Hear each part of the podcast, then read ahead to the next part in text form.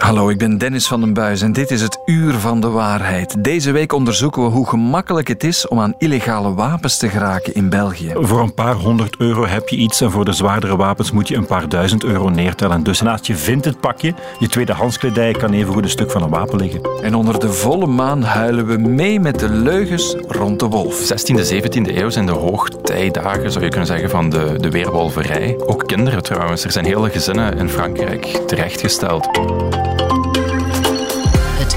van de waarheid. Even terug naar maandagavond. Heel het land en Brussel in het bijzonder werd opgeschrikt door de terrorist die het vuur opende op twee Zweedse supporters in Brussel.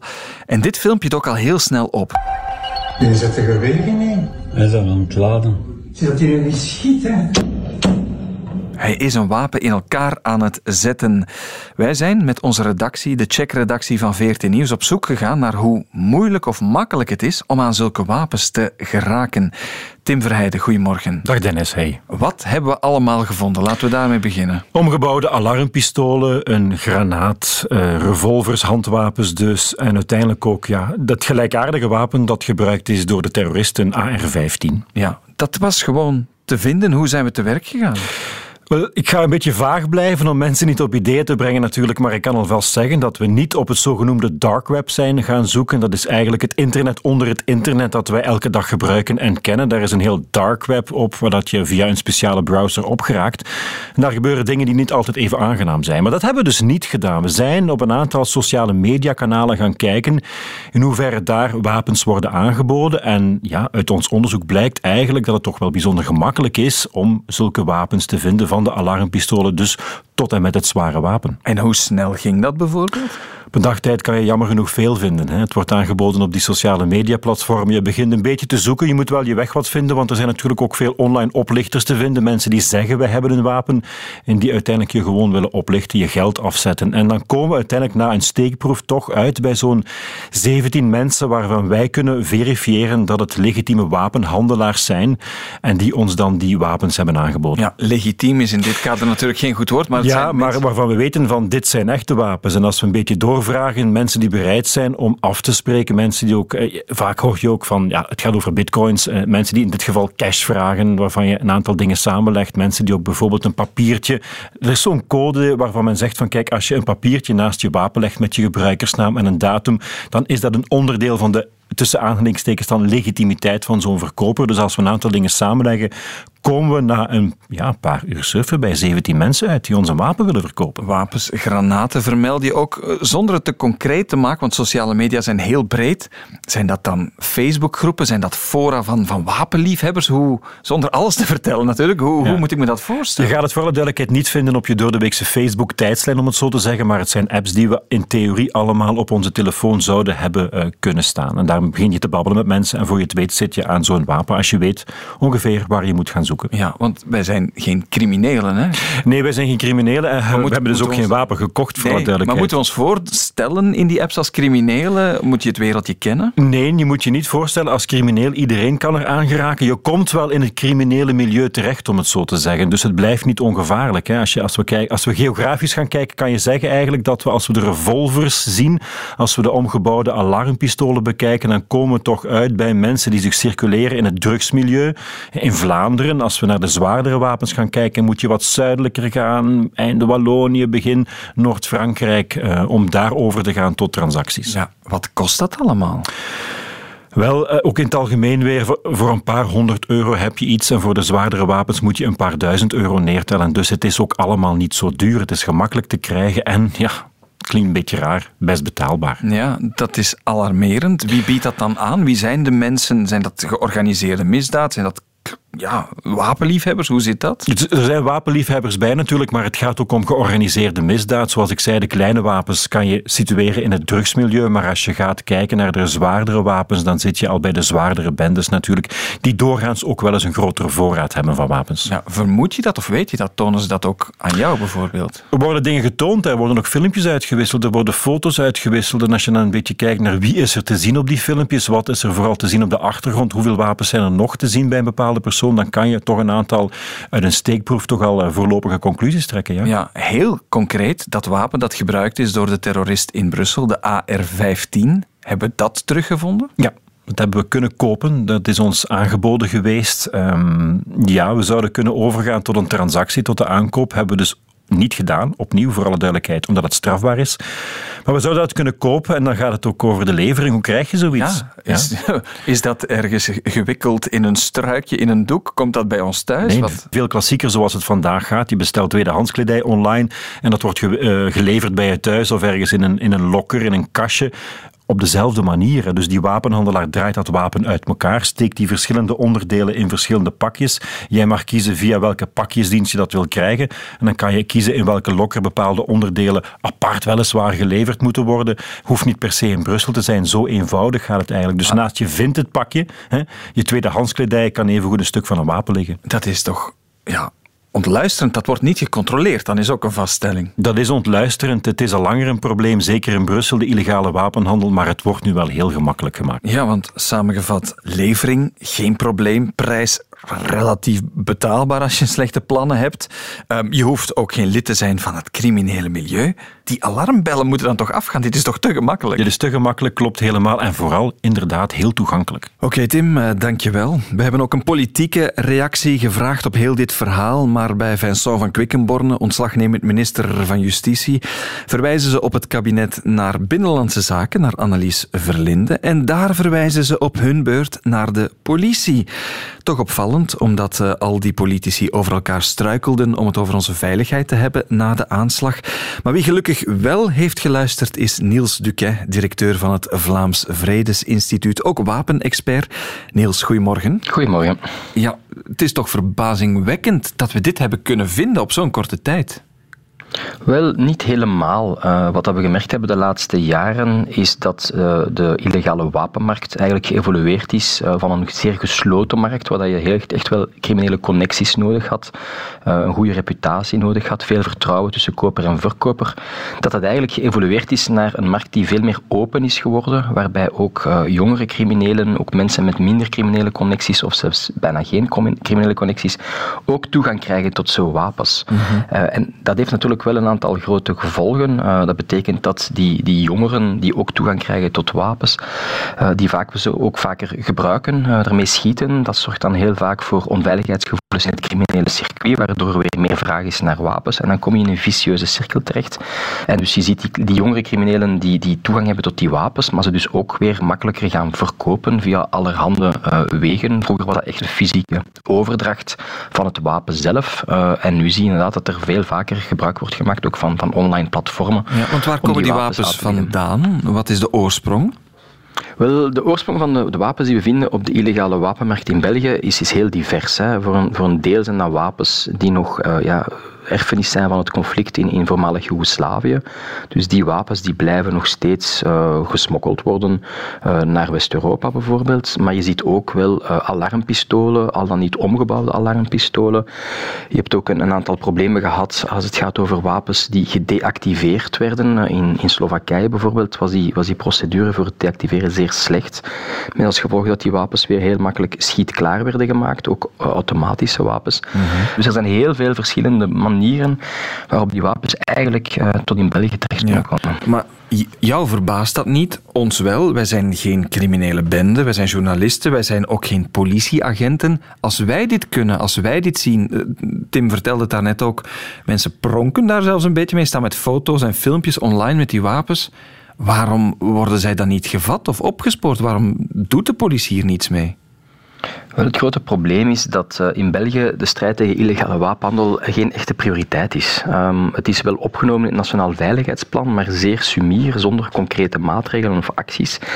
En de diensten die uh, daarvoor moeten zorgen, die hebben eigenlijk te weinig man- en vrouwkracht. Die hebben te weinig zicht op het probleem en te weinig mensen om dat effectief ook te gaan doen. Bijvoorbeeld het screenen van zo'n online platforms, ja, dat, dat kan natuurlijk. Hè. Je moet dat niet in de wilde weg gaan doen, maar je kan wel zeer gericht gaan zoeken. Je kan dat regelmatig gaan gaan screenen en inderdaad met die mensen die dat dan te koop aanbieden, afspraak maken uh, en ze oppakken. Mhm. Dat zal dan heel snel wel stoppen. Dus je kan dat ook wel heel concreet maken door effectief daar tijd en middelen in te steken. Maar dat, dat gebeurt niet. Is dat de reden dat de politiek niet wil reageren, hoewel ze over elkaar vielen om het over onze veiligheid te hebben na de incidenten in Brussel?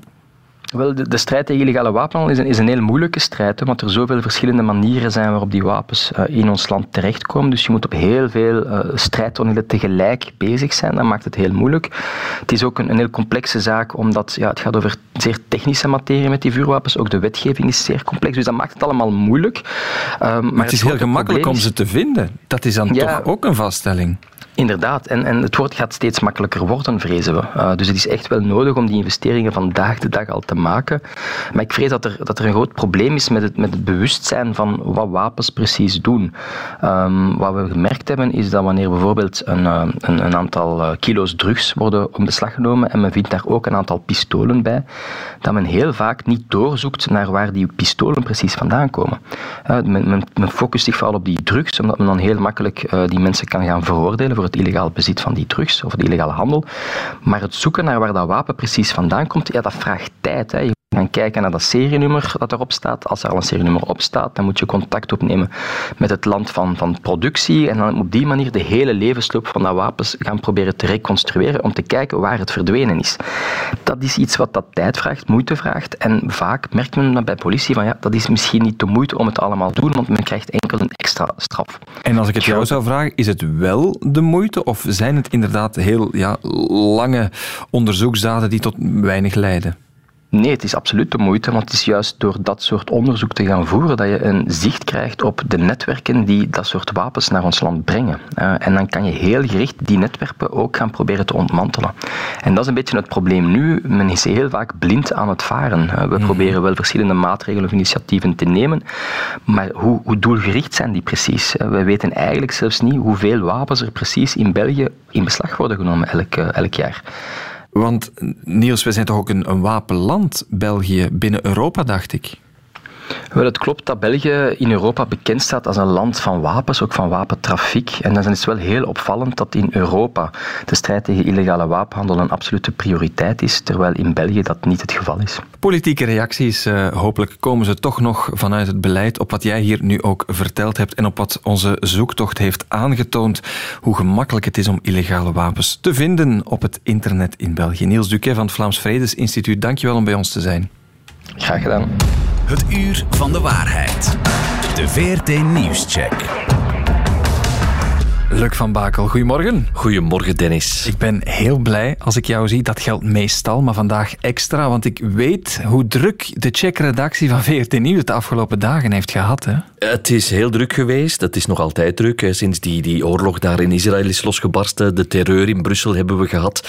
En dan is het voor een Check-redactie als de onze, waar we toch met uh, vijf à zes mensen elke dag beelden verifiëren, dan is dat een drukke periode. Dat weet je als dat gebeurt. Uh, elk beeld dat VRT Nieuws bijvoorbeeld gebruikt in haar programma's en dat van sociale media komt, wordt eerst gecheckt door onze ploeg om te zien van ja, kunnen we dat beeld wel vertrouwen? We schrijven dan ook nog tal van factchecks, dus het is heel druk geweest. Ja, jullie zijn eigenlijk een soort alarmcentrale. Dag en nacht worden jullie bevraagd eh, door de redactie. Hè? Ja, we hebben intussen al zo'n 15 onderzoeksverhalen ook online gezet van uh, ja, vooral uit dat conflict en vanuit Brussel van ja, wat is dat nu waar, is dat nu niet? Denk bijvoorbeeld beelden die nep bleken te zijn. Uh, er werd onder meer beweerd dat er een, een gegijzeld Israëlisch meisje in brand werd gestoken. Bleken dat beelden te zijn uit 2015 uit Guatemala. Er zijn computerbeelden opgedoken waarin een helikopter werd neergehaald. Bleek uit een computerspel te komen en ga zo maar door. Dus we proberen alles wat hier binnenkomt ja, te checken. Ja, heel belangrijk natuurlijk, want relevante, correcte informatie, beeldvorming is heel belangrijk in een conflict zoals dit. Ook dicht bij huis, want er is één, ja, één filmpje, één beeld dat enorm veel is gedeeld en is opgedoken. Hè?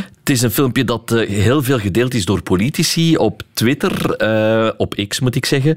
Het is een filmpje waarin je een groep eh, gemaskerde jongen, jongeren ziet. Er is ook een kind bij met een vuurwapen. Het is aan een kinderopvang in Brussel en er werd beweerd dat dat dus een, een spontane bijeenkomst was om die aanslag van afgelopen maandag in Brussel dus te verheerlijken of dat het een pro-Palestijnse betoging was. Maar er viel ons wel iets op aan die beelden en uh, factcheckerien Emery heeft ze bekeken. We hebben datzelfde filmpje teruggevonden op TikTok. Het TikTok-profiel van een Brusselse rapper, die heet uh, 7.62 heet hij, of 7.62, dat zijn artiestennaam. En het was dus een, een, opname voor een videoclip van een nummer van hem, Panthère heet het, dat binnenkort uitkomt.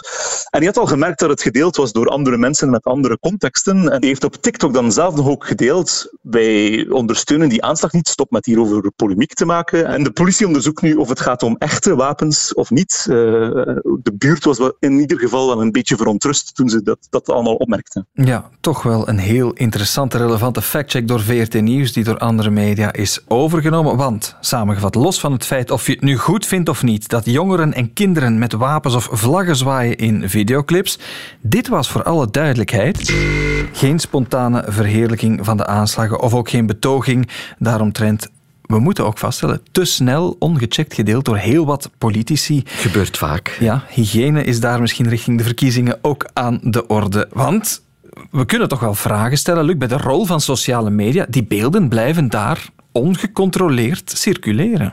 Ja, Europa stelt zichzelf vragen intussen. Er is een officieel schrijven gericht aan zowel uh, X als aan Meta als aan TikTok om te vragen van ja, wat ga je nu doen aan dat nepnieuws? Europa heeft sinds kort een, nieuwe wetgeving, uh, de Digital Services Act, en die verplicht eigenlijk grote techbedrijven ertoe om strenger op te treden tegen nepnieuws. Dus ze moeten transparanter worden in de manier waarop zij met dat probleem uh, gaan omgaan. En zeker Anders ook de verkiezingen volgend jaar.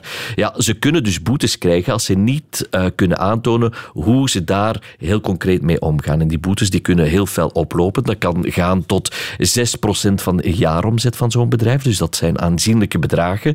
Uh, die bedrijven hebben nog een aantal dagen de tijd, tot 25 oktober, om uit de doeken te doen wat ze nu exact doen om die verspreiding van dat nepnieuws nog een beetje af te remmen. Oké, wordt dus ook nog vervolgd, heel dat uh, verhaal. We zouden bijna vergeten, los van alle fake beelden en het geweld in de wereld, dat je hier ook zeer tastbare factchecks meebrengt. En we gaan toch afsluiten met ook zo eentje, Luc. Want sinds afgelopen week heeft Europa verboden om alles met plastic kleine glitters te verkopen. Het is inderdaad ook een verhaal van Europa, want de verkoop van uh, glitters, dus wat je op je gezicht kan doen... Kijk uh, niet naar mij. In vrolijkere omstandigheden dan in oorlog, uh, laat ons wel wezen. Ehm, ja, dat wordt verboden, die verkoop.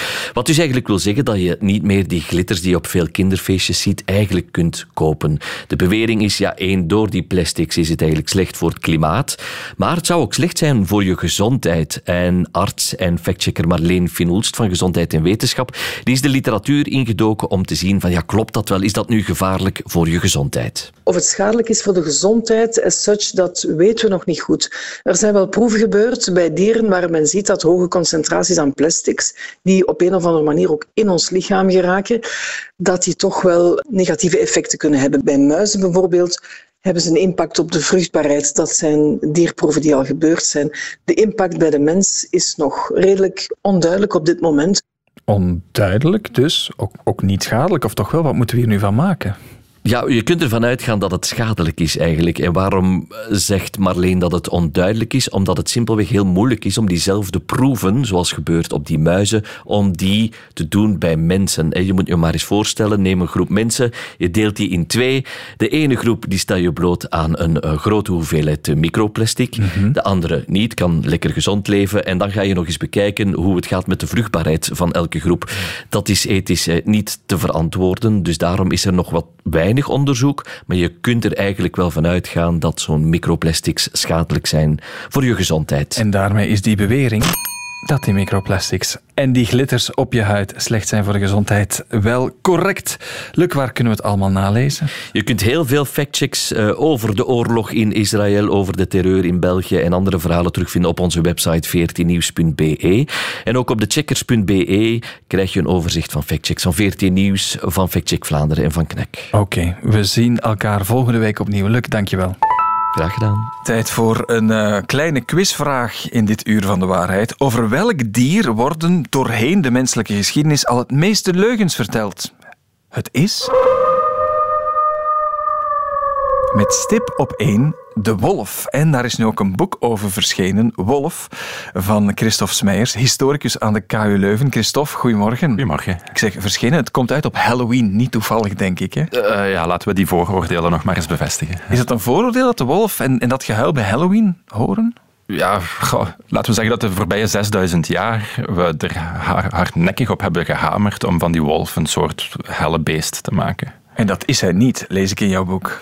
Ik zou dat toch willen nuanceren. Oké, we hebben daar eventjes tijd voor, want de wolf, hij is terug in Limburg. Daar doen allerlei verhalen de ronde over, gaan we het over hebben. Maar laten we misschien teruggaan naar de bron. Mhm. Hoe komt het dat de mens al die dingen waar we het daarnet al kort over hadden, denkt over de wolf? Wanneer is dat begonnen? Volgens mij ligt, dat, ligt de oorzaak van het kwaad uh, in de landbouwrevolutie. Dus op het moment dat mensen land beginnen te bewerken, daar hekken beginnen rond te bouwen, hagen beginnen te bouwen, veestapels beginnen aan te leggen, zie je dat er een vijandsbeeld wordt gecreëerd. En dat is, ja, dat is die wolf die op de loer ligt vanuit de wildernis, hè, vanuit, mhm. vanuit de schaduwen. Vanuit maar dat, het bos. dat doet hij ook echt wel natuurlijk op dat moment. Dat is ook het is een heel reëel probleem. Ja, dus die, die herdersgemeenschappen in Italië of Griekenland, die worden ook daadwerkelijk geterroriseerd door roedels. En dus ontstaat daar ook een extra beeldvorming dan al rond die wolf? Ja, ja. en dat linkt zich heel snel aan het idee dat wolven menseters zijn. Wat wat ja, enige literaire overdrijving is, laten we het zo zeggen. Je hebt dat onderzocht doorheen de jaren. Je hebt de wolf als een soort cultuurproduct bekeken, hoe wij als mens daarmee omgaan en, en dat beschrijven. Maar je zegt het klopt niet. Eh, eten wolven dan geen mensen? Ze zullen dat wel doen. Ehm, maar er zijn een aantal externe factoren mee gemoeid. Dus wolven, we weten dat wolven mensen aanvallen als ze ziek zijn, als ze hondsdolheid hebben. Um, als ze eigenlijk buiten hun zinnen zijn. Uh, dat zijn momenten waarop we historisch gezien wel zien dat, dat er menselijke slachtoffers vallen. Mm anderzijds zijn er momenten, uh, ik denk aan heel gure winters bijvoorbeeld, wolvenwinters noemde men die, dat wolven zich uit het bos genoodzaakt zien zich uit het bos te, ja, wagen en echt die, die dorpen in te trekken op zoek naar eten. Um, ook in langdurige oorlogssituaties hè, zie je dat als het, als het, uh, het platteland leegloopt, als het bos eigenlijk verlaten wordt, dat wolven menselijke uh, omgevingen gaan opzoeken. Ja, maar dat wordt vandaag ook gezegd als er beelden opduiken van wolven in Nederland of ook in Limburg het moet maar eens op een fout moment mislopen of er moet een kind zo'n beest tegenkomen. Klopt dat dan niet, die veronderstelling? Is dat fake news? Niet noodzakelijk, maar het is wel een angst die, die voortborduurt op angstbeelden die, die eigenlijk fout begonnen zijn, zou je kunnen zeggen. Het is, de kans is niet onbestaande dat een wolf ooit een kind zal te grazen nemen. Mm maar die kans is bijzonder klein. Ja, het is geen echte menseneter doorheen menseneter. jouw onderzoek is gebleken. Het is een dier dat zich eigenlijk het liefst van al weghoudt van mensen. Er is een heel mooi verhaal uit de 19e eeuw waarin een, een vrouw in een kuil valt samen met een wolf. En eigenlijk gedwongen zijn de hele nacht samen door te brengen. En s ochtends vindt de boer die de val had gemaakt voor een wolf eigenlijk, de twee, dus de vrouw en de wolf, aan tegenovergestelde uithoeken van die put om zich zo ver mogelijk van elkaar weg te houden. Dat is een echt verhaal. Ja. Echt beschreven. Het is geen legende. Het is geen legende. Want de wolf is ook populair. Denk aan de weerwolf. Hm. Om allerlei facetten ook toe te dichten aan mensen of aan dat figuur. Heeft dat ooit echt ja, de ronde gedaan? Zijn mensen dat beginnen geloven? Als we naar die weerwolf kijken bijvoorbeeld, heeft dat echt concreet iets veroorzaakt van een angstpsychose doorheen de bevolking op een bepaald moment? Eh, zeker weten, ja. ja. Zeker in de 16e, 17e eeuw zijn de hoogtijdagen, zou je kunnen zeggen, van de, de weerwolverij. Uh, zeker hier in de lage landen, maar ook in Noord-Frankrijk en Duitsland, zijn mensen een beetje zoals heksen achtervolgd, of vervolgd liever, en uh, terechtgesteld. En wanneer, wanneer was, of werd iemand verdacht van weerwolverij? Wat waren tekenen daarvan? er moest dus een schaap op, op verdachte wijze verdwijnen of vermoord worden dan bleek plots dat je buurman zich nogal afzijdig hield of een beetje verdacht gedrag vertoonde. Dat was al genoeg om een, een zekere paranoia aan te kweken eh, op dorpsniveau. Ehm, en dan was de beschuldiging eigenlijk tamelijk snel gemaakt. opnieuw is een beetje zoals hekserij. Dus het zou wel eens goed kunnen dat uw buurman een pact met de duivel heeft gesloten. Um, als dan blijkt dat iemand s'nachts een wolf heeft een, een klauw afgeschoten en men vindt die klauw de ochtend erop en dat is een vinger, en uw buurman heeft plots een, uh, ja, een pijnlijke hand. 1 en 1 is 2 en dat leidt dan tot Hoeveel mensen zijn er dan in de lage landen op die manier veroordeeld? Dat is moeilijk te zeggen, maar toch, we spreken toch over een aantal dozijn. Ja. Ja. Dat was, was hekserij. Waren het altijd mannen of konden vrouwen ook weerwolven zijn? Beide, ook kinderen trouwens. Er zijn hele gezinnen in Frankrijk terechtgesteld omdat het hele gezin een pact met de duivel zou hebben gesloten. Uh, het zijn heel schrijnende verhalen eigenlijk van, van gezinnen die terechtstaan en in de rechtbank beginnen te huilen als wolven, omdat ze er zelf ook van overtuigd zijn. De, de mensen zelf? Ja. Mensen geloofden zelf dat ze weerwolven waren. Ja. Ook dat is beschreven. Ja. En um, de beschuldigingen zijn dan ook, het gaat over moord in veel gevallen. Uh, dus een gezin dat erop uitging als een roedel om mensen te vermoorden. Ja, maar dat is misschien een, iets helemaal anders dan valse beelden over wolven die, die de Ja. ronde doen. Want dat beeld is er doorheen de menselijke geschiedenis. Eh, Dat wordt vaak ook gebruikt om te zeggen: we moeten wolven verdelgen, we moeten ze bestrijden, we moeten ze afschieten. Hoe is de link tussen ja, fake news daar rond en de bestrijding? De link is misschien niet zo voor de hand liggend, maar het is wel zo dat de dreiging stevast en heel consistent is, is overdreven, zou je kunnen zeggen. En door die angstbeelden is gevoed tot een punt waarop verdelging eigenlijk de enige optie is.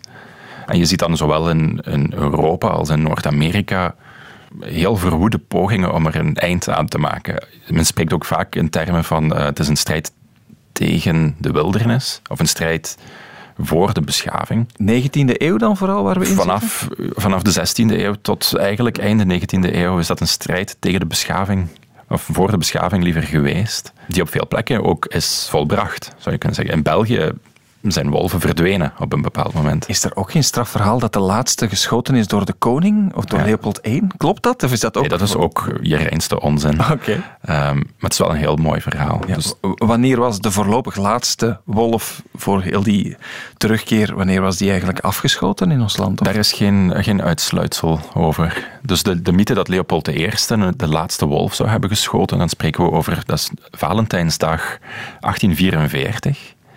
Eh, het was een wolvenkoppel dan ook nog dat hij zou hebben geschoten. Op Valentijn is dat mooi natuurlijk. Oh ja, ja. Maar dat klopt voor geen meter. Klopt helemaal niet. Nee, ook als je ik heb de brieven van Leopold I gelezen. In 1845 zit hij nog te schrijven naar zijn vrouw en naar Queen Victoria in Engeland dat hij weer een wolf heeft te grazen genomen.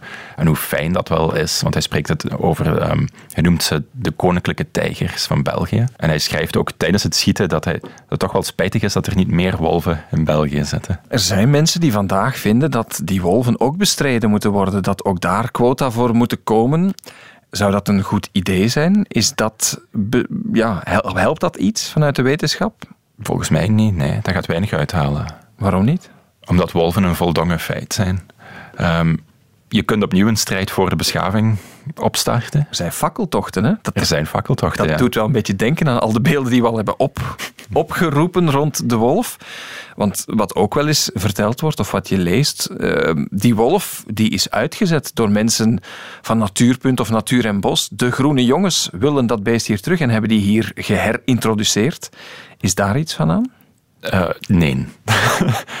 maar zelfs dat soort samenzweringstheorieën heeft eh, ja, historische wortels, zou je kunnen zeggen. Ja? Ja, ehm, ik ben op een verhaal gestoten dat uit de jaren 90 stamt. Op het moment dat er opnieuw wolven binnenwandelden in het Franse Nationaal Park Mercantour in de Alpen.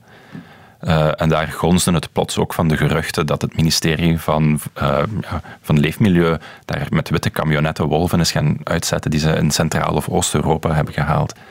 En de gelijkenissen tussen wat, wat zich in de jaren 90 in Frankrijk ontspon en wat, wat er nu zoal verteld wordt, is, is frappant. Mhm. Maar kan dat dan volledig weerlegd worden? Dat kan niet weerlegd worden, maar er is ook helemaal geen bewijs. We weten ook wel hoe wolven wandelen, laten we het zo zeggen, of hoe zij rondreizen.